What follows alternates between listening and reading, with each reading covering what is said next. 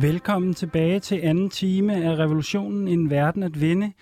Øh, I første time, der snakkede vi, der prøvede vi at få øh, skovlen under hele det her øh, øh, mystiske, øh, den her mystiske økonomi, tech-økonomien, gig-økonomien, Ja. øh, den fjerde industrielle revolution. Øhm, og vi brugte noget tid på ligesom at øh, komme frem til den pointe, at nede bagved alt det, der forekommer og komme automatisk, er der en masse arbejdere, der producerer ting, og øhm, på en eller anden måde er forudsætningen for, at vi kan køre i Uber-taxa og bestille billige pakker på Amazon. Mm, og vi snakkede også lidt om, at der næsten er det her øh, evolutionære eller naturliggjorte perspektiv på, at sådan her bliver teknologien bare. Altså, det er næsten en ustoppelig kraft på en eller anden måde. Men det er ikke en ustoppelig kraft. I den her time, der vil vi gerne snakke lidt mere om, hvad vi skal ligesom gøre for at, øh, for at vende skuden. Ikke? Øh, og så vil vi gerne starte med dig, Henrik, fordi du er jo lidt øh, strategen og aktivisten her. Hvad, øh, hvad er der sådan af, af, af muligheder for modstand i det her virvar af teknologi og platformsøkonomi og nye udbytningsformer? Altså, jeg, jeg tænker på to ting i hvert fald. Ikke? Og den ene er det der med at bare generelt at få en forståelse af, hvordan teknologi fungerer. Ikke, ikke på sådan nødvendigvis en teoretisk plan, men sådan håndgribeligt. Hvordan bygger man ting med computere? Det er, øh, altså fordi der bliver snakket meget om digital dannelse, og hvis man kigger historisk, ikke historisk, man kigger på de sidste par årtier, hvordan har man lært at bruge teknologien i folkeskolen og sådan noget, så er det jo meget sådan, man lærer at bruge et interface, og nu får man en iPad eller sådan eller andet. Men det der med faktisk at lære at bygge noget, Ja, lære og, sådan, og, og du ved, ja, ja tage, tage øh, produktionsmidlerne tilbage og sådan noget, ikke? Ah, ja, det er sådan Øhm, en form for det, altså det- i den- øh, den- 21. århundrede. Det bliver man lidt nødt til. Eller sådan, hvis man ikke, fordi der er, vi har den der idé om, at sådan, vi trykker på en knap, og så sker der noget øh, automatisk, at det er en form for magi, når vi trykker på den der iPad. Ikke? Øhm, så det der med at forstå, hvad, hvad et program er, hvordan sådan nogle ting. Man behøver ikke blive programmør, fordi det kan godt være røvkedeligt, ikke? Mm-mm. Men bare forstå sådan, den, den der forståelse, hvis man, hvis man har den på plads som sådan et eller andet fundament, så kan man begynde at tage nogle bedre beslutninger omkring sin, sit digitale liv.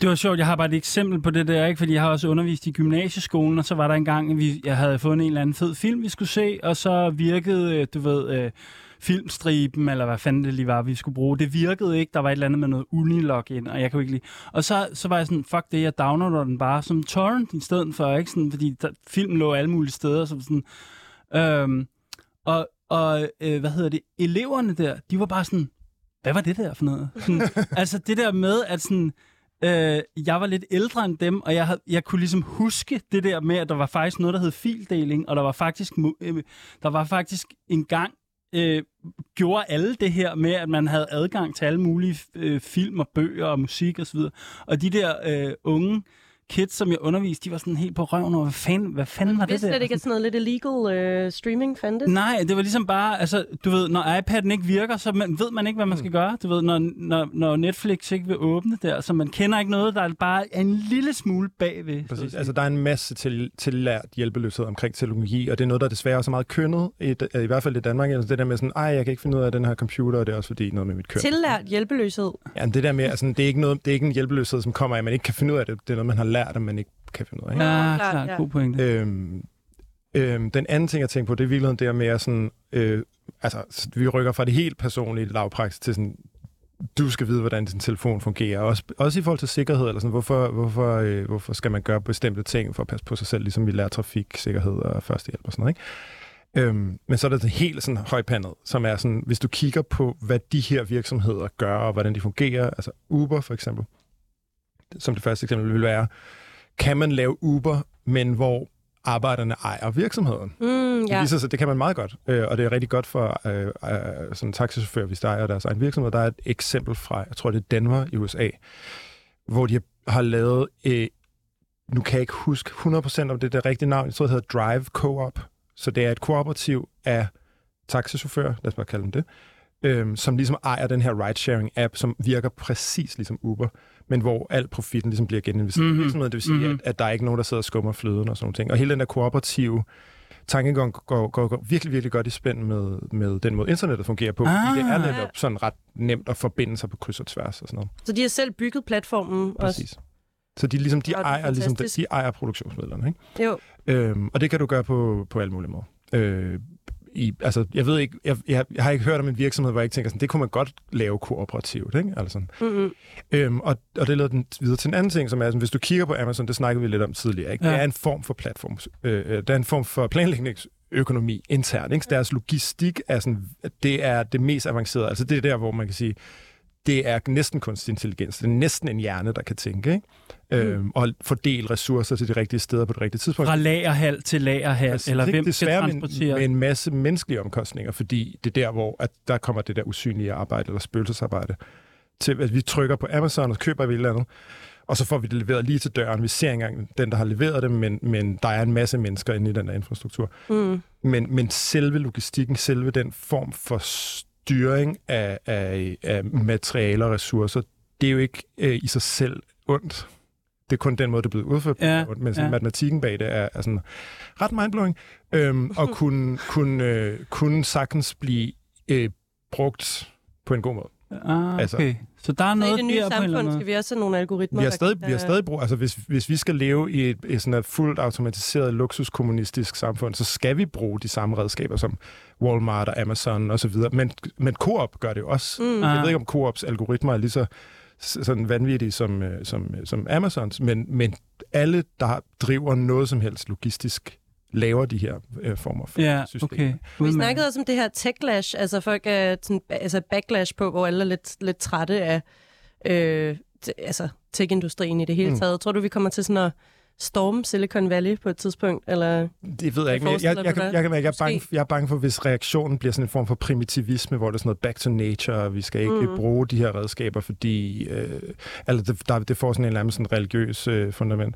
Men hvis man til gengæld kigger på altså det oprindelige maskinstormer, altså de der øh, Luddites, Ja, ja, altså det, ja. var en, det var en rationel handling at smide en træsko i en, i en vævemaskine i, øh, i, under den industrielle revolution, fordi at du kunne se, at dit arbejde blev taget fra dig, som væver for eksempel. Ikke? Men ved hvad, skal vi ikke bare tage den nu? Fordi det var... Lad os snakke om det. Altså, fordi at, øh, det havde jeg faktisk forberedt. Det var en virkelig øh, fornem bro, du lavede der, fordi det var faktisk det min go-to. Øhm, og det kommer så af, at, at øh, jeg læste en, en, øh, en, fed, en, en fed bog, som ligesom er en form for, øh, hvad skal vi kalde det, marxistisk teknologikritik i hvert fald på en eller anden måde, som, som, som, som, som øh, genintroducerer, eller prøver at lave en, en opdateret analyse af den her maskinstormer strategi, ikke? Fordi det er, og så kan jeg måske lige fortælle lytterne lidt, hvad traditionen er her, ikke? At, at det at blive kaldt mas- maskinstormer har, har, har meget længe øh, været sådan lidt en bagstræberisk eller reaktionær arbejderposition. Man er imod alle former for ny introduktion af nye maskiner og knyttet til sabotage for al, øh, af, af maskinerne, der blev introduceret på arbejdspladsen. Men den her bog, der hedder Breaking Things at Work, som også er sådan en øh, arbejdskritisk bog, ikke? Øhm, prøver ligesom på en eller anden måde at lave et forsvar for øhm, maskinstormer-strategien. Ikke? Altså det der med, at teknologi meget ofte faktisk introduktion af nye te- øh, tekniske frembringelser på arbejdspladsen og andre steder, meget ofte bliver introduceret for at intensivere udbytning, simpelthen, ikke? Øh, i alle mulige forskellige øh, former. Så mit spørgsmål er netop meget i forhold til det der, hvad gør, altså, vi er imod alt det her, alle de her platformer, alt det her lort, men, men skal det brændes, eller, skal, eller i hvilken grad kan vi overtage det? Henrik, du, du er lidt på, at, at der ligger noget her, som ligesom kan vendes om, eller sådan, man kunne godt forestille sig Uber korporativt. Mm. Øhm, Hva, hvor, hvor, hvor er du henne i den der, Dominik? Du, du, du slår mig som være lidt mere pessimistisk. øhm, ja, det ved jeg ikke. Jeg synes jo på en eller anden måde, det er et problem, at hvis man indtager den der lidt mere skeptiske position, så bliver man på en eller anden måde ligesom øh, automatisk forbundet med, sådan, som du sagde, en bagstræberisk position, eller øh, en eller anden, der ligesom ikke øh, forstår fremskridtet, eller ikke vil følge med det, eller på en eller anden måde i opposition til, at menneskeheden udvikler sig, eller sådan noget. Men øh, jeg synes bare på en eller anden måde, det er vigtigt at komme bort fra den der fiktion omkring, at, eller forestilling omkring, at teknologi er neutral, og at det drejer sig om at skifte ejerskabs, ejer, ejerskabsforhold. Ikke? Øhm, det er rigtigt nok, at jeg er sikker på, at i mange tilfælde vil man kunne forbedre situationen helt enormt ved for eksempel at danne kooperativer. Øh, og jeg bifalder ligesom øh, et hvert forsøg på, på at gøre det. Øhm, at modarbejde, hvad skal man sige, øh, de her millionærs øh, virksomhedsmodeller, men jeg tror bare ikke altid, at øh, det er nok, at man skifter, hvad man skal sige, det for, for formelle eller juridiske ejerskab ud øh, med en eller anden form for kollektiv ejerskab, fordi mange af de her teknologier er specifikt blevet udviklet og introduceret til øh, at splitte arbejdet ad i atomer mm. ud på det såkaldte virtuelle samlebånd, øh, og på at isolere arbejderne fra hinanden og umuliggøre, som, som du sagde før, Eskild, øh, enhver form for modstand, ikke? Det var sjovt. Øh, ja, ja. Okay, det, men, men de her, den her gamle form for maskinstormeri, altså, du snakker om nye teknologiske innovationer, og hvordan det brug, bliver brugt til mere udbytning, for eksempel. Ja, så hvis ja. vi prøver lige at tænke det igennem, så snakker vi en symaskine, der bliver introduceret, sådan så folk ligesom kan sy så meget som muligt, ikke? Jo. Altså, men kunne man ikke forestille sig et nyt samfund, hvor den symaskine bare hjælper folk med at sy deres eget tøj? jo, for eksempel. jo, jo Altså, måske. Er det ikke noget med bare lige at, at, at vende den på hovedet? Eller, altså, fordi jeg tænker, at teknologi er neutralt som udgangspunkt. Der er sådan en, en øh, amerikansk tech-historiker, Melvin Kranzberg, tror jeg, når hans navn er, som siger, at teknologi er hverken god eller ond, men den er heller ikke neutral. Mm. Mm. Altså al teknologi har er politisk, og især når du kigger på, på computerteknologi, ikke? fordi du sidder, du skal tænke dig sådan millionvis af linjer af kode, ikke? der er nogen, der sidder og skriver alt det der kode, og hver gang der er nogen, der har skrevet en linje kode, har de taget en beslutning på vegne af brugeren. Mm. Altså der, der er nogen, der har taget den der beslutning, og de beslutninger er jo i og for sig politiske, fordi det indflyder, hvad vi har af handlemuligheder. Både det afskæres for noget, og det giver os nye sådan nye muligheder. Så, så du kan ikke ligesom have en neutral teknologi. Du Nej, kan kun have en og det er teknologi, også som det, når man snakker med sådan bias i AI, og 100 procent. ja, en hel diskussion Jamen- for sig. Men, men jeg, altså, jeg kom til at tænke på, at vi lavede jo også et program om prekarisering, hvor vi havde et voldbud med. Øhm, og, og det var sjovt, da vi kom, så kom til den her diskussion om, hvad skal vi så gøre? Er, kan, man, kan, man få, øh, kan man få pizza med salat og dressing bragt ud i det kommunistiske samfund? Ikke? Der, var han, der var han sgu ret benhård, der sagde han bare, Nixon. Det Det, det, det, det må, der må man, man må simpelthen gå ned og hente sin mad selv. Mm. Altså, fordi, altså, forstået på den måde, at der er på en eller anden måde, hans, hans analyse var, at vold fungerer kun, fordi der er nogen, der er tvunget til at tage noget lortearbejde. Ikke? Mm. Så hvis folk faktisk skulle have en ordentlig løn, så ville, det ikke kunne, fi- så ville forretningsmodellen faktisk ikke virke. Præcis. Mm. Øhm, hvad, hvad tænker I om den analyse? Altså, Jeg, jeg er meget enig, altså, og jeg tror, et af problemerne ved, ved den her form for blinde fremskridtstog er ligesom, at man, man forestiller sig, at jamen, selvfølgelig skal vi hele tiden optimere. Øh, selvfølgelig skal vi hele tiden, øh, hvad skal man sige, tidsoptimere også, ikke? Øh, men hvornår er det, vi skulle det, og hvorfor? Altså, øh, jamen, altså, det er jo kun i takt med, at vi ligesom bliver udbyttet flere og flere timer på arbejde, så har vi ikke tid til at tage sig de andre ting, og så, Ja, det, så vil det, vi det gerne have øh, nogen til at bringe vores også. øh, indkøb ud, eller Ja, vores pizza, som vi før gik ned og hentede, eller ja. gøre rent i vores øh, hus. Eller, øh, jamen, så jeg synes bare, at, at der ligger et mere sådan fundamentalt sådan skifte. Jeg ved ikke, nu startede vi jo før med, med Walter Benjamin. Det ville måske være et godt, godt sted at genintroducere den, den gamle tyske kommunist, der, Ja, hvor ja. Han, har, han har jo det her med, at han siger, at, øh, øh, han siger, at Karl Marx øh, har den her øh, forestilling omkring, at, øh, at revolutioner, de er ligesom verdenshistoriens lokomotiver. Og så siger ah. han, øh, men tænk, hvis det forholder sig lige stik modsat, at revolutioner i virkeligheden er folkets forsøg på at trække i nødbremsen, ikke? Altså det her med, Mhm. at, hvad skal man sige, øh, den moderne øh, filosofi og den moderne sådan, fremskridtstanke er ligesom født ud af et samfund, der var i rivende udvikling. Øh, altså den er født ud af den industrielle revolution, og øh, så man kan sige sådan, at mange af de her idéer omkring øh, teknologi fra højre og venstre, øh, afspejler jo den her tid og den her udvikling, og nu befinder vi os et andet sted i historien, hvor man kan se en større og større del af jordens befolkning er afskåret fra lønarbejdet, øh, er overflødiggjort på en eller anden måde, og klimaet øh, er ved at kollapse, på grund af blandt andet alle de maskiner, vi har sat til at udlede ja, ja. CO2. Så, så jeg synes på en eller anden måde, at det betyder, at vi lægger det der øh, paradigme bag os, ikke? Vækstparadigme, som jo er en del af det her tidsoptimering. Altså, der er noget helt centralt ja, på, der er noget mere grundlæggende her, på- som... på- så, ja, på spil også for, for, for radio. Vi kalder os selv jo revolutionen her på det her øh, lille radioprogram, ikke? Så det, der faktisk bliver introduceret her, det er, at på et tidspunkt i historien, der var revolutionen at kigge sådan fremad og have mere, og det skulle gå hurtigere og sådan noget. Det kunne godt tænkes som noget positivt, men kunne det være, at vi står i en historisk situation nu, hvor revolution på en eller anden måde er en form for opbremsning, eller et eller andet?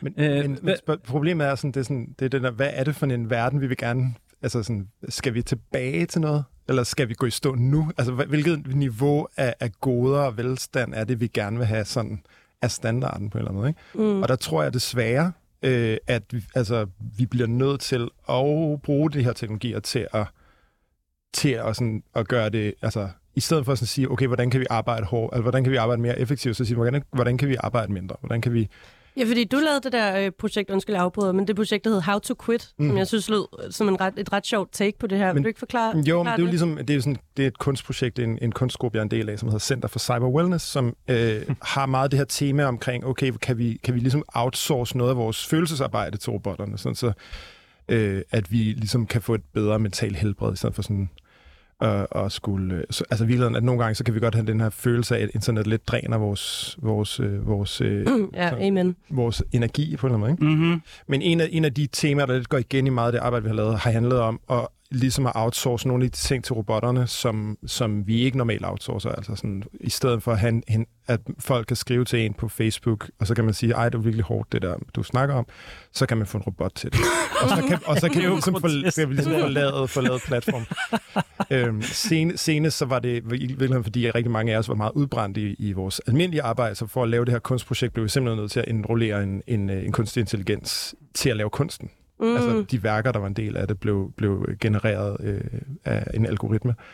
Øhm, og, og ja, flere, der er også flere, flere forskellige øh, nogle performances, hvor vi har fået en robot, eller en, en af de andre kunstnere har fået en robot til at spille musik, og så kunne vi andre ligesom snakke om, hvad vi ville gøre i fremtiden, når robotterne havde taget vores arbejde. Ah, Så det er det der tankeeksperiment med at sige sådan, vi bliver hele tiden lovet, at robotterne kommer og tager Mm. vores arbejde. Sådan, Hvornår kommer bare, de? sådan, bare gør det. Men så er det igen det der med, sådan, hvad, hvem er det? Altså, hvis vi sagde, at, øh, at vi automatiserede så meget, vi overhovedet kunne, at man kan ikke automatisere alt. For eksempel er det ekstremt svært at automatisere lige specifikt, nu nævnte du symaskiner.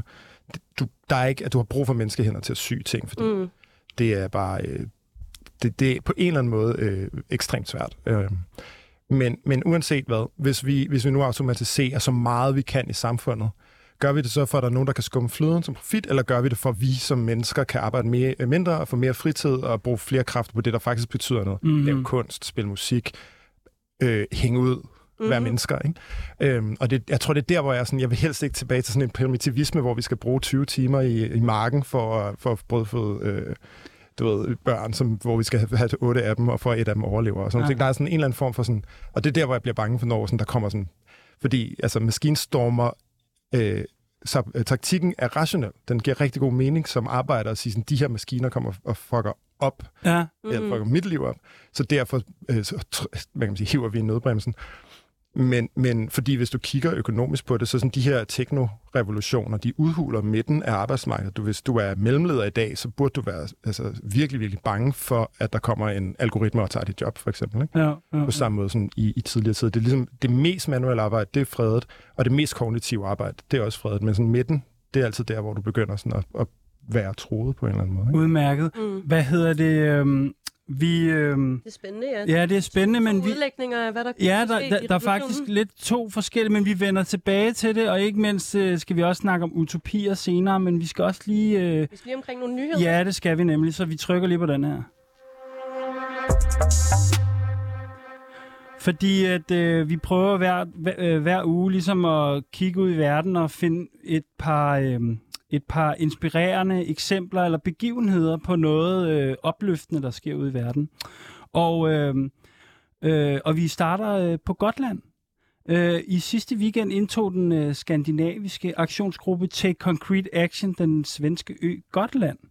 Og øh, det gjorde de fordi øh, for at blokere øh, en cementfabrik, øh, der hedder Cementa, der står for 75 procent af Sveriges øh, cementproduktion. Så cementproduktion ødelægger grundvandet på øen, og Cementa er Sveriges næststørste udleder af CO2 i landet. Så der var god grund til at øh, blokere og, og nedlægge den fabrik. I sidste uge samlede gruppen Take øh, Concrete Action derfor folk op i busser fra hele Norden og kørte dem til Gotland for at tage sagen i egne hænder. Og øh, vores øh, nye journalistpraktikant, Maiken, var taget med øh, ved opsamlingsstedet i København øh, for at tage temperaturen. Øh, og det tænker jeg, vi lige skulle høre. Hun Ja, lavede et lille, lille indslag til os. Why are you here today? First of all, I think we're in a climate crisis, and the big corporations are ruining the planet for their profit and like ruining our lives for their profit. Det er onsdag den 24. august, og jeg har taget et smut til Folkets Park for at fange nogle af dem, der skal med bussen til Gotland i dag. Parken er stille lige nu, men i skyggen af et af de store træer sidder der to piger og drikker morgenkaffe. Deres slitte backpacker-rygsække hviler op af bordbænkesættet, og de ligner nogen, der venter på, at noget skal ske. Flere store rygsække er dukket op rundt omkring i parken. Jeg har prikket en langhåret fyr på skulderen. Han smiler venligt, men forbeholden til mig, da jeg henvender mig. Uh, I'm from Sweden.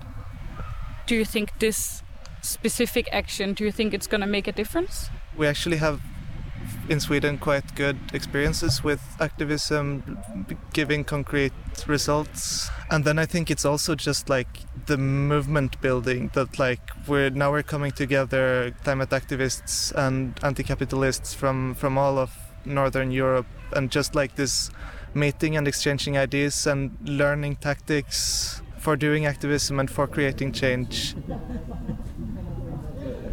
Der er efterhånden en broget gruppe på cirka 20 mennesker i parken. De er lige stemlet sammen til en kort briefing om busturen, og nu er politiet begyndt at cirkle parken. De kører uden udrykning, men det er tydeligt, at de holder øje med forsamlingen. Jeg spørger en ung mørkhåret pige, om hun er spændt på aktionen. Today I started getting a bit ner- nervous again, like having some thoughts about police and repression and so on. But I still I'm very sure that the world is going into a really shitty climate crisis and this will be way worse than the repression we're like experiencing when doing activism. I mellemtiden er den store hvide bus rullet op. Halvdelen af gruppen er allerede steget på, men nu kommer politiet igen kørende. Den ene politimand er lige gået ud af bilen for at snakke med buschaufføren. Han vil gerne vide, hvad der skal ske og hvor bussen skal hen, og han vil gerne se nogle tilladelser. Efter noget snak frem og tilbage har bussen fået lov til at køre.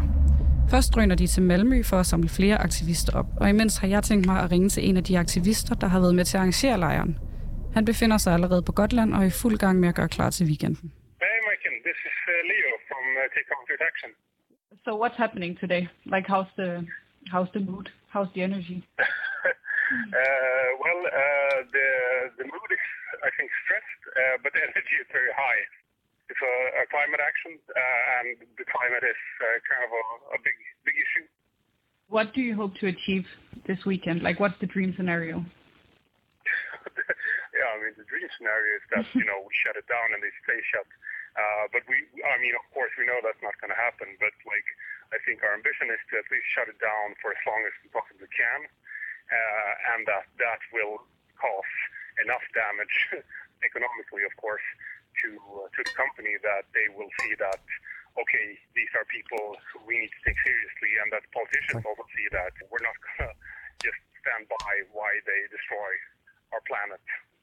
I've read critics saying that the closing of Cementa could end up increasing the CO2 emission and causing some big green projects to shut down.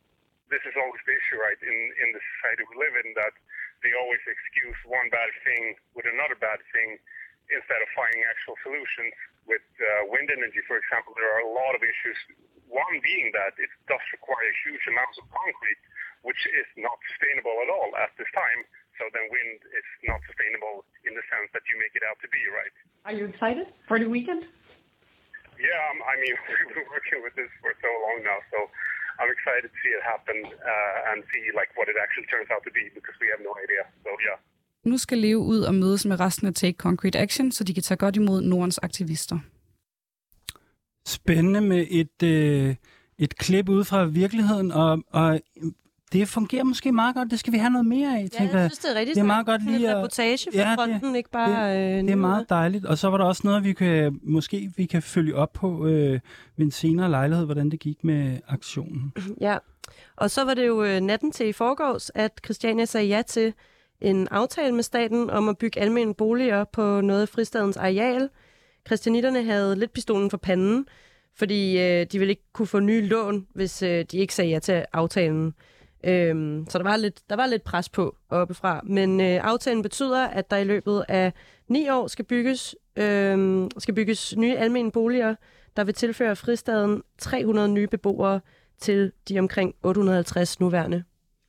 Ja, jeg, tæ- jeg tænkte, den, altså, jeg vil bare lige knytte et par kommentarer til den her øh, begivenhed, eller den her aftale, fordi jeg synes, den, den, den, det er en ret tvetydig, hvis man prøver at tænke strategisk over, hvad, hvad, vi, hvad christianitterne står over for. Så på den ene side tænkte jeg, at det var på en måde meget fedt, at vi kan få nogle... Øh, Ja, jeg tænkte først, i første omgang, det var meget ja, solidt. øh, ja, at vi kan få nogle... Øh, københavnerne kan få adgang til nogle billige boliger ude på, ude på Christiania, men, men jeg har det også omvendt sådan, at det, det, det er typisk staten ligesom at komme med sådan nogle store anlægsprojekter og øh, gravkør og sådan... Øh, øh, og en masse, hvad kan man sige, pengestærke investorer, og så ligesom øh, lave Christiania om til en byggeplads. Øhm, så jeg, jeg, mm.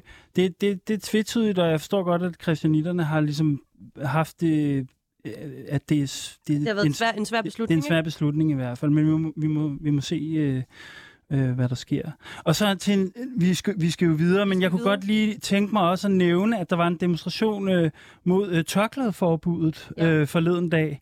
Øhm, den, kunne, øh, den vil jeg bare lige hurtigt nævne øh, heads up, og der var... ma- Der var vist- fantastisk mange der var- mennesker der var foran øh, Christiansborg. Ja, så den, den, øh, det må vi også følge op på. Ja, og, og blive ved med at kæmpe for det, hvis Ja. det forslag bliver aktuelt. præcis, præcis.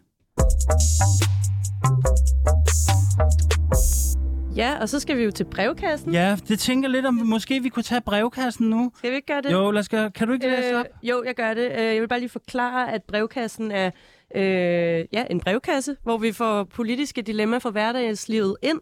Og I skal huske at skrive til brevkassen på vores e-mail revolutionen 247dk Og jeg vil bare sige, at jeg elsker det her dilemma. Jeg har glædet mig så meget til det her dilemma, fordi at, øh, jeg har selv tænkt meget over det, og jeg ved, der er mange, der går og tænker over det. Og jeg synes bare, det, det er rigtig sjovt. Så nu skal I høre. Jeg har længe diskuteret med mine venner min lyst for at stjæle. I mange af disse samtaler bliver det set som en handling, der gør mig til en dårlig borger, uetisk eller faktisk bare utilregnelig som menneske. Hvad tænker I? Kan jeg forsvare at stjæle fra et socialistisk perspektiv? Er det ikke en antikapitalistisk handling, der måske kan rykke ved de dominerende strukturer? KH, den langfingrede. Den, den langfingrede er helt fortvivlet omkring det her. Ja, hvad, har, I, har Ja, I noget? ja. øh, hvad, undskyld. Ja, må jeg komme? For jeg jeg fik mit, øh, mit læsehoved, den, det, øh, det dukket op til det her dilemma. Jeg Ja. kender selvfølgelig godt diskussionen. Den, den har jeg også haft i min vennekreds. Øh, og jeg, for det første vil jeg sige... For det første. jeg har, det. jeg, jeg har, Nå, men ved I hvad, jeg havde faktisk overvejet en gang at skrive speciale om shoplifting. Jeg synes, det var meget spændende på et tidspunkt. Nå, men, men øhm, det første, jeg vil sige, det er, det er fucking irriterende at være til en fest, hvor der kommer folk og stjæler folks ting. Det er røvnederen. Ah, men, okay. så det, det, det er selvfølgelig, der, der er vi, det er sådan helt simpelt øh, etisk, øh, don't do that. Don't, ikke stjæl for dine venner. Nej, præcis Første tommelfinger. og folk, sådan, som man møder på et værtshus eller eller andet. Det er, røv, det er nedtur. Men så slog det mig, at, at øh, der findes det her begreb om autoreduktion. Ja, hvad Som det? kom, jamen, det kommer fra, altså der hvor jeg stødt på det, er det sådan ligesom i, i den, inden for den italienske marxisme og det man kaldte autonomibevægelsen i, i 60'erne og 70'erne, de havde det her begreb om autoreduktion, så ligesom de forestillede sig ligesom, at at vi, kapitalismen er en, som, en form for social fabrik, hvor vi på mange måder er på arbejde, ikke kun for, på fabrikken, men også mens vi køber ind, eller mens vi øh, øh, hvad hedder det, opretholder vores liv i hjemmet og så videre. Ikke? På mo- arbejdet er på en måde flydet ud i hele samfundet. Altså, fordi vi bruger vores penge fra fabrikken i... Øh... Ja, men også at vi opretholder samfundet Aha. på alle mulige lederkanter. Og de udvikler sig den her idé om, at vi bliver udbyttet øhm, på arbejdspladsen og alle mulige andre steder, og en måde at reducere, reducere udbytningen på, det er, at man, tager, man så tager man sgu lidt ekstra med hjem, når man har været nede at handle.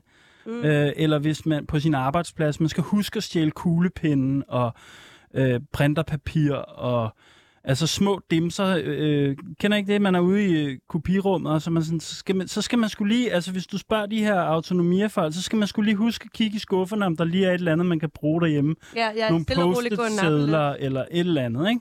Fordi man allerede er blevet udbyttet, så man er allerede underkastet en eller anden form for uretfærdighed, Ja. og den kan man lige så godt prøve at kompensere lidt for. Det vil være mit øh, take på det. Jamen, det er et godt, øh, Øhm, godt svar, synes jeg. Hvad, jeg. Jeg vil jo gerne, jeg vil, vil gerne rigtig gerne stjæle. Jeg vil gerne stjæle fra store øh, steder og sådan Ja. noget, men øh, jeg tør simpelthen ikke. Altså, jeg, og det er ikke fordi, at det mit moralske kompas Nej, har problemer med det, men jeg er simpelthen bange for den der akavede interaktion. ja, klart. Eller den, altså, jeg bliver også lidt sådan den stakkels medarbejder, der så øh, de pludselig skulle bonge ud for det, eller Nå. stå for skud, eller Ja, noget andet. klart, klart. Kan jeg godt komme til. Jeg har hørt, at det er noget, man kan øve sig i. Ja, og stjæle. Ja. Ja, ja. Ja. Der er nogen, der er Altså, rigtig gode. sæt, varen tilbage på hylden, når man har stjålet den. For eksempel, ja. Nå, det kan være, at vi skal inddrage gæsterne i... Ja, hvad tænker I? Hvad har I, hvad har I noget at bidrage altså, med i den her jeg bidrager i diskussion? forhold til den digitale debat, der var dengang i Ah, ja. nullerne, ikke? hvor det var sådan noget, piracy is theft, altså at ja, download ja. ja. film er en form for teori, og der er sådan, nej, det er det jo ikke. Det er der jo ikke nogen, der nogensinde har kunne forsvare det argument, at, at hvis du kopierer en fil, så er det på en eller anden måde en form for, for øh, for, øh, hvad hedder det? Tyveri. Tyveri, ikke? At, at, sådan, at, at det, må, det ideen om intellektuel ejendom er sådan fuldstændig bonk. Ja. Det giver jo ikke nogen mening. Nej, Mm. nej, nej. Jamen altså, jeg tror på mange måder, så kan man jo, det synes jeg er et rigtig godt eksempel, fordi at øh, hvis man lige zoomer lidt ud fra øh, sådan nogle øh, smårapserier, eller hvad man skal kalde det, øh, som I taler om, og så tager det, de, det lidt større perspektiv på Ja, det her, ja. så, så, så kan man jo sige, at øh, det, det handler jo igen om det her med de her ejerskabsformer, ikke? Hvor, hvor meget af det indhold, altså vidensindhold og sådan noget, er der jo ikke nogen, der ejer, kan man sige, vel? Øh, men forskellige virksomheder har brug for at, at ramsætte det, altså give det en ejerskabsform, så de kan sælge det, ikke?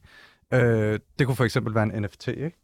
Altså, en NFT er jo dybest set bare, hvad skal man sige... Wow, det er den skøreste valuta, jeg længe har hørt om. Ja, men øh, hvad skal man sige, det er jo et form for sådan et desperat forsøg på at tage noget, som ligesom er frit tilgængeligt for alle, det en Ah. ejerskabsform, så du kan sælge den og spekulere i den, ikke? Altså, det er den her, øh, sty- det her stykke teknologi, hvor man indskriver en særlig... Kan du ikke lige forklare, hvad det er, og hvad det har med shoplifting jeg at ved ikke, gøre? om det har noget med... Det, det kommer måske lidt langt væk Altså, fra shop, shop, shoplifting. shoplifting-versionen, det er, når man højre klikker på et billede og kopierer det, Ah, ja. selvom, det, selvom det er en NFT. Ikke? ja. Præcis. Mm. ja. Øh, så det er bare, altså hvad skal man sige, det er bare det her med, at, at de her ejerskabsformer er på en eller anden måde sådan arbitrære. Altså det er nogle konventioner, man lægger ned over noget, noget eksisterende, øh, for at kunne sælge det, ikke? Jo. Øh, så ja, jeg mener bare, at i det digitale rum er et godt eksempel. Jeg tror også, det er der meget den optimisme, vi talte om tidligere, eller Henrik talte om tidligere, den kom fra, at man havde den her forestilling, at nu har vi endelig Ja. den her, øh, hvad skal man sige, kommunistiske infrastruktur nærmest, der er frit for alle. Og så er der bare paywalls. Præcis. ja. Udmærket. Ja. Øhm, ja, jeg elsker brevkassen. Jeg synes, det er nogle... Øh, fortsat med at sende øh, Ja, bliv ved med at sende de gode spørgsmål øh, ind. Dilemmaer ind, vi må videre. Ja. Okay, altså, jeg, jeg ved ikke med jer, men jeg, jeg, jeg, vi har jo faktisk snart, snakket ret meget om arbejde i dag, ikke? Og alt det arbejde, der ligger bagved alle de her øh, tech-platforme og gig-økonomi og så videre. Øhm, så jeg kunne godt tænke mig at stille et lidt gammeldags øh, kommunistisk spørgsmål. Hvordan organiserer vi os? Altså, har vi nogle gode eksempler på, at, at du nævnte, øh, Henrik nævnte, hvad hedder det, kooperativet, men jeg tænker sådan lidt mere klassisk fagforeningsarbejde. Er det ligesom, er det bare slut nu? Altså, jeg havde jo den her øh, dystopiske pointe i første time, at folk er helt afkoblet fra hinanden, og man er helt alene på de her platforme osv. Men er der alligevel, kender I til nogle eksempler, hvor, øh, hvor der er nogen, der har vundet nogle faglige kampe eller sådan noget i, i den her del af økonomien? Der er lidt stille. Der er lidt stille. Altså, jeg, jeg, ja. nej, bare... Jamen, jamen, jamen, jeg tror bare, altså noget af det, som den her udvikling tydeliggør, er jo lige præcis det her med fagforeningen, som knyttet til, hvad skal man sige, nationalstaten eller sådan noget, er, er, en, er også en form, en form, der på en måde øh, er ved at have spillet, spillet øh, for lidt, ikke? Fordi at arbejdet netop er blevet øh, hvad skal man sige, distribueret ud i den her, på det her virtuelle samlebånd, og øh, så det er svært ligesom at, at gå ind og agere fagforening for digitale arbejdere forskellige steder i verden, øh, som måske har fire eller fem forskellige arbejdsgiver på dag. Hvem er det så? Hvilken arbejdsgiver er det, man skal stille ansvarlig for de her? Øh, altså, man, jeg tror, jeg læste en undersøgelse omkring 15-20 procent af de her tasks eller microtasks ikke bliver lønnet. Men, men det er jo enormt svært at stille krav til de her. For det første er de juridiske strukturer Altså 15 procent af de her tasks bliver ikke, bliver ikke lønnet. lønnet. Ikke? Simpelthen bare ikke lønnet, fordi så siger Så de, det er ikke nogen af de der, ikke- vi snakkede om tidligere, hvor det... Jo, jo, det er, hvis du forestiller dig, du er microworker, så vil det svare til, at 15 procent af dit arbejde, af de opgaver, du løser, de, bliver, de udløser ikke nogen penge. Hvor, og det gør de bare ikke, fordi... Jamen, så siger de bare, at den er ikke løst tilfredsstillende, for ah, eksempel. sådan Ikke? noget, ja. Så, men min pointe er bare, at det, det, det, man arbejder typisk for subcontractors, eller for, øh, hvad hedder det, Mm. udbydere. Ja. Øh, så det kan være enormt svært for dig at rette et eller andet, hvis du havde ressourcerne til det, at rette et, øh, et krav øh, til en eller anden arbejdsgiver, fordi det er måske en subcontractor for en subcontractor. Ja. Øhm, Det er mere og mere snørklet. Øh. Ja, så jeg synes bare, det på en eller anden måde tydeliggør det her med, at fagforeningen, øh, som vi forstår den, eller kender den fra arbejderbevægelsen, Ja, ja, tid på ja. en eller anden måde, passede til en bestemt tid, hvor folk var organiseret i rigtige ansættelser med forskellige vilkår, så, og de har vundet nogle ekstremt vigtige kampe. Det er svært at se, hvordan den form ligesom skulle diffundere ud på det globale arbejdsmarked i dag. Ikke? Jo, jo. Øh, der, den møder den i hvert fald sine begrænsninger, tror jeg. Ja, du nikker, Henrik. Ja, men der er sådan en, en, øh, en tekst, som jeg altid vender tilbage til, når man snakker om det der. Hvad, hvordan skal man ligesom kæmpe i en digital tidsalder? Og den er fra, undskyld hvis jeg ikke kan huske det helt rigtigt, jeg tror den er fra 91, det kan godt være den er fra 95, men uh, Gilles Deleuze, fransk filosof, Ja, okay. har skrevet den her, nu bliver det rigtig Wow. andet, ikke? Men den mest tilgængelige Deleuze-tekst, øh, tror jeg, øh, den hedder om kontrolsamfundet. Ja, Og den er, øh, den er virkelig øh, sådan meget letlæst i forhold til alt andet. ja det er virkelig noget, vi vil bygge noget af det. Ja, ja, ja. Men det er virkelig den der pointe med, sådan, øh, at i gamle dage, disciplinærsamfundet, alt det kunne Foucault beskrev, ikke? Bare for at være endnu mere højband. Øh, ja, bare fyrt den af. Disciplinærsamfundet. Fabrikken. Fabrikken, du har et lukket rum, det er fabrikken, det er hospitalet, det er skolen. Du ligesom pakker folk ind i nogle lukkede rum for at kontrollere dem, for at gøre dem produktive osv. osv. Øhm, og de her lukkede rum er ligesom den undertrykkelse, vi bliver, vi bliver udsat for i disciplinærsamfundet. Øh, men det er også det rum, der er for at skabe modstand. Ja. Altså, det er fabriksgulvet, hvor du organiserer arbejderne på. Det er, øh, øh, hvad hedder det, det er ligesom den, altså undertrykkelsen ligesom rummer sin egen modstand. Ja, ja, ja. Mm. Det, der så sker med, med den overgang, vi har været i siden 50'erne i virkeligheden, ikke? Med, med, da man begynder at putte computer ind i samfundet, så begynder man også ligesom, om, i stedet for at have den her øh, enclosure, så begynder man at få, mm, hvad kan man sige, kontrol frem for disciplin. Ikke? Og du begynder mere at, at sådan måle og veje og modulere folks adfærd. Øh, og det, det føles... Incitamenter, for eksempel, som alt, alt Dominique den der, i første den der, time. den der Ja. måde, sådan, vi politisk i Danmark bare sådan, alt er incitament, øh, altså sådan på godt, altså nej, ikke på godt, men sådan på, på alle mulige steder også, hvor det virker ret dumt nogle gange. Ikke? Ja, Nå, øhm, det var for at komme frem til det med sådan, at fordi vi ikke er samlet i vores øh, undertrykkelse mere, vi bliver individu- individualiseret, så gør det også ekstremt svært at faktisk at finde hinanden i modstand.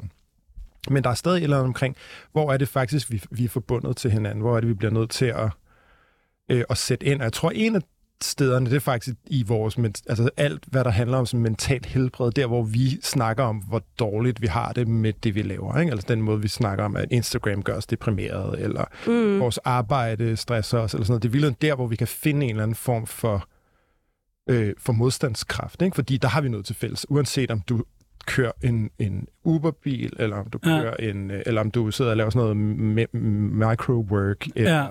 om du har en eller anden stil, en, sådan en fastansættelse i øh, et eller andet sted, øh, eller om du er prekær i, på et universitet. Ja. Vi har alle sammen den der relation til vores arbejde, som er, at vi kan, vi kan mærke nærmest fysisk tære på vores mentale helbred. Ikke? Ja, så det kunne være sådan en øh, fællesnævner, vi kunne øh, starte ud fra på en Det, eller anden måde. det, vil, det vil jeg sige, sådan, det, og så ligesom netop skabe forbindelser omkring det. Men, men ja. igen, det er meget tænkt, fordi der er Ja. ikke nogen, der har løst, løst den der... Altså, jeg ved Nå, ikke, jeg tænkte også på det her med sådan at, at lokalisere arbejdet. Altså når jeg for eksempel går på TikTok, ikke? så er der de her unge mennesker, der virkelig, de danser altså røven i laser, ikke? og de bruger måske 3-5 timer på, og det har jeg læst det sted, det tager så lang tid. Altså, hvis man begynder at se dem også som arbejdere, eller os alle sammen på en eller anden måde, tror du ikke, at, tror du ikke, at det kunne være sådan en god, et godt sprog til at starte med?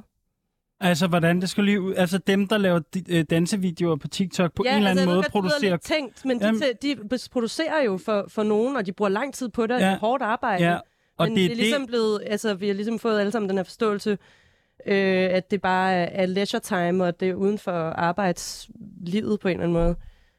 Jeg ved ikke, om det Jo, men helt jeg- væk, eller hvad tænker I? men det er ligesom, det, det er jo på mange, for, for mange så bliver det så til et rigtigt arbejde, eller ikke for mange. For nogen, for nogle få bliver det til et rigtigt arbejde, ikke? Mm. Øhm, så det minder mere sådan om, om, om altså musikbranchen, eller sådan den krea- kreative, øh, hvad hedder det, kreative Ja. økonomi, ikke? Hvor Ja. du har tu, for hver tusind drømmer, du har, så er der sådan to, der får lov til at leve deres drøm ud i virkeligheden, ikke? Jo, men det var fordi, du snakker om det der med alles mental health, og Mm. hvordan vi, det vi måske har til fælles, det er, at det efterhånden for mange af os ikke kun føles hyggeligt at være på internettet. Altså også at have det som, som et slags udgangspunkt. Jeg tænker så, sådan, workers of the world unite på en eller anden måde. Ja, men, men problemet er, at det er den der er konkurrence. ja præcis. Du gør det i en konkurrence med de, altså sådan, når du TikToker, så gør du det altid i en konkurrence med andre, ikke? Jo. Okay, men prøv at høre. Jeg, jeg, det er jo lidt deprimerende hul, vi er i her, ikke? Så jeg tænker, nu, nu, nu tvinger vi os, altså det sidste kvarter, nu skal vi altså til at øh, få, få den, uto, nu skal vi, hvad hedder det, træne den utopiske muskel. Lad os prøve det. Fordi som, øh, som øh, faste lytter ved, så, så har jeg det her, øh, øh, har vi den her idé i programmet om, at vi bliver nødt til at tænke ud over den tid, vi lever i, og det, det, øh, det lort, vi står i. Øhm, og det gør vi altid til sidst i programmet. Øhm, og vi har jo været inde omkring nogle, nogle spørgsmål omkring, øh, hvordan vi sk- øh, brug af teknologi. Øhm, og jeg kunne godt tænke mig at gribe lidt fat i det i, igen. Altså, hvad er, hvad er kommunismens forhold til teknologi? Altså, hvad, hvad for noget... Øh, vi har været lidt inde på det. Altså, øh, hvad hedder det? Kan vi, kan vi overtage Amazons øh, robotter og, øh, og, og planlægningsalgoritmestruktur her, eller skal vi brænde det ned til grunden? efter øh, i det kommunistiske mm-hmm. samfund. Altså forstår I det her med, kan vi, kan vi løfte nogle af de her øh, teknologier med ind i det kommunistiske samfund? Eller, er der, eller skal vi forlade det? altså, jeg synes, det er et meget sådan, uh, kontant dilemma, mm. som på en eller anden måde er et falsk dilemma selvfølgelig. Ikke? Altså, det er lidt ligesom det her før med, hvis ikke man bare går all in på den her fully automated luxury communism, eller den her fuldt automatiseret kommunisme, så er man på en eller anden måde et back to nature, ikke? Ja, altså, ja, altså, ja. Det synes jeg på en måde er et falsk dilemma, fordi det er jo klart, en, altså et hvert menneske, der kan tænke to selvstændige tanker, kan jo regne ud, at vi er nødt til at tage, hvad der er for håndværende også i det såkaldte kommunistiske samfund. Øh, så der er jo ingen, der forestiller sig, at man vil brænde jorden ned til grunden og leve i stenhuller igen. Det, vil jo, altså, det ved ikke, om der er nogen, der forestiller sig, men... Nej. Jeg har, jeg har læst nogle teoretikere, der er sådan, at vi skal bare forlade. Ja. Men igen, det er nok ikke standard. Jamen, så vil jeg så også som, måske mm. som, øh, som på vegne af radioprogrammet også to vil sige, øh, det her det radioprograms kommunisme er ikke en primitivisme.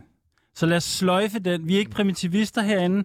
Men det løser heller ikke, men det løser fortsat ikke helt dilemmaet. Hvad skal vi gøre med de eksisterende, øh, altså de eksisterende teknologiske øh, platforme? For eksempel det der med, hvad skal vi gøre med de der Amazon-lagerhaller? Altså, hvad skal de bruges til?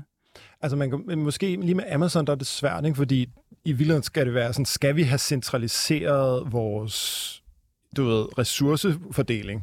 Er det, er det, er det, virkelig, det, det er virkelig måske det, der er spørgsmålet. Skal, skal det fremtidige kommunistiske samfund, skal det være centraliseret? Eller skal det være hierarkisk? Skal det være, eller skal det være decentralt distribueret? Og det er det, lidt, det, der ligger i teknologien, internetteknologien, fordi det er bygget op som et decentralt system. Aha. Øh, hvor netop, hvis du kobler dig til internettet, så er du en del af internettet. Spørgsmålet om, om, om, om fordi det strider lidt mod ideen om, at der skal være sådan en stram styring fra toppen på en eller anden måde. Ikke? Og det, det ville måske der, hvor, hvor, øh, hvor spørgsmålet ligger. Skal vi have Amazon bare kommunistisk central øh, komiteen, der styrer det? Eller skal vi have de systemer tilgængelige for folk, der vil lave lokal ja. omfordeling? For ja. Mm, så sådan en lille lagerhal hvert sted? Eller sådan noget? Måske, eller, eller har man brug for en lagerhal i virkeligheden? Men mås- ja, måske bare ja. holde fest i den. Ja, jamen det er fordi, altså, det du siger, Henrik, det er jo faktisk, at Jeff Bezos, han er en form for stalinist, faktisk. 100 Ja. Han er jo bare Stalin, bare uden, øh, hvad hedder det, sult, ikke? Ja, ja, ja. Altså det, altså, og ud fra det perspektiv vil jeg sige, okay, så skal vi ikke bruge hans model, ikke? Altså, øhm, men hvad siger du, Dominik? Kan du ikke hjælpe os her? Altså, du, har også, du, du må sgu da have siddet og diskuteret det her på et værtshus et eller andet sted. Ja. jeg ved ikke, om jeg har, jeg ved ikke, om jeg har nogle svar med. Altså, jeg tror bare, at altså, for, for mig handler det meget om, hvad, altså teknologier kan, kan selvfølgelig bruges til flere ting, ikke? Øh, men det betyder ikke, at, at øh, den eksisterende, sådan, de eksisterende teknologier øh, bare kan overtages. Vel, for eksempel så øh, internettet er jo et godt eksempel, ikke? som historisk ligesom blev bygget af det amerikanske militær. Øh, og mange af de så fiberoptiske kabler i dag løber jo langs de gamle øh, øh, slave- og handelsruter. Ikke? Øh, så, så på den måde kan man jo sige, sådan, at den måde, som jorden er forbundet på lige nu, afspejler jo så også en bestemt historie. Dels militære interesser, dels, hvad skal man sige, imperiernes interesser. Øh, så den er på ingen måde neutral. Øh, og adgangen er heller ikke bare, at man lige plukker sig i, vel? Øh, hvad skal man sige, de her forskellige platforme, som du også selv sagde tidligere, Henrik, de har jo på en eller anden måde monopoliseret, øh, hvad skal man sige, infrastrukturen, ikke? Og blandt andet gør, at øh, man ikke kan tale sammen med Facebook med andre former for øh, social medienetværk. Øh, så, så på en eller anden måde, så, så tror jeg sådan, at, øh, det vil man jo være nødt til ligesom sådan at have et opgør med. Ikke? Vi kan ikke bare erstatte Facebook med øh, communism, Communism Inc., eller hvad man skal Nej, sige. nej, nej. Altså, øh, og så har vi alle sammen en profil derinde. Altså, så vil alle præcis de samme problematikker bestå. Øh, så mit bud vil være, at man skulle have en, en form for nedbrydning og opbygning. Ikke? Altså, at man, jamen, man simpelthen man må tage det ad hoc fra, fra, fra case til case. Jeg tror heller ikke, at hvad skal man sige, øh, vejen til, til et andet øh, mere bæredygtigt samfund går ved sådan en central beslutning, hvor vi alle sammen sætter os ned og siger, i morgen øh, indleder vi kommunismen. Altså det kan vi jo se rundt omkring i verden.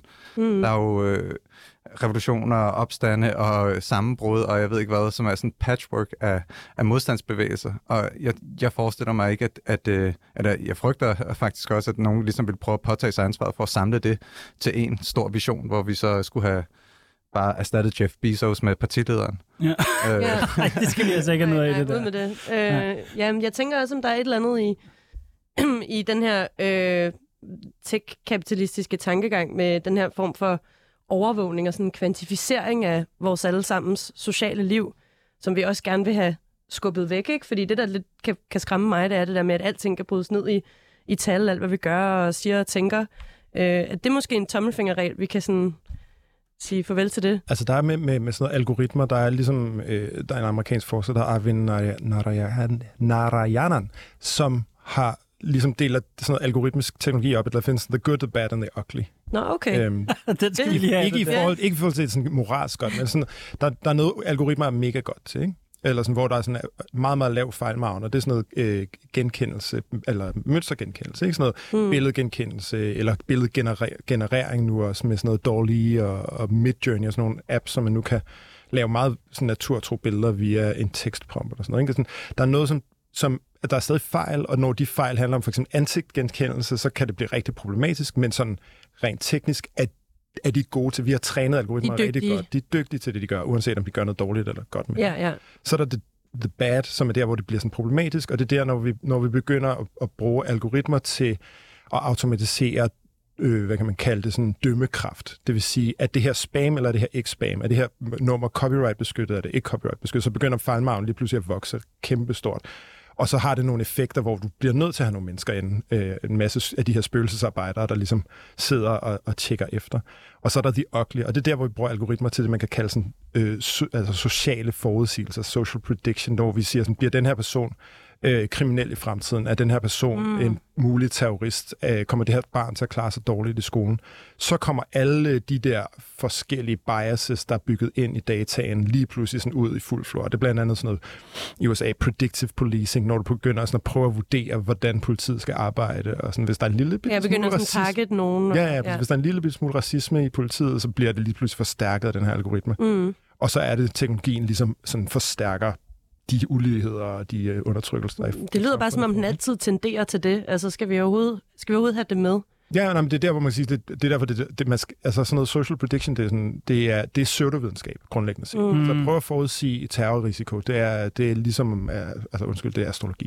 Ikke? Ja, Okay. okay. Men noget andet også, der er interessant ved det der, for eksempel predictive policing, eller det her, hvad skal man sige, forudsigelsespoliti, det er jo, at deres datasæt er trænet, altså kommer fra sådan seismiske målinger, ikke? Så Mm. deres datasæt stammer fra naturkatastrofer, som man så på en eller anden måde overfører til, øh, til sociale fænomener som Ah. kriminalitet, ikke? Så på den måde, sådan, så naturaliserer man også, man siger, det, det, er ligesom, altså det er ligesom, hvad skal man sige, øh, seismiske vibrationer i, i jorden kriminalitet er ligesom det, og vi kan måle og forudsige det på samme måde, som Ja, vi forsøger ja, ja. at måle og forudsige naturkatastrofer.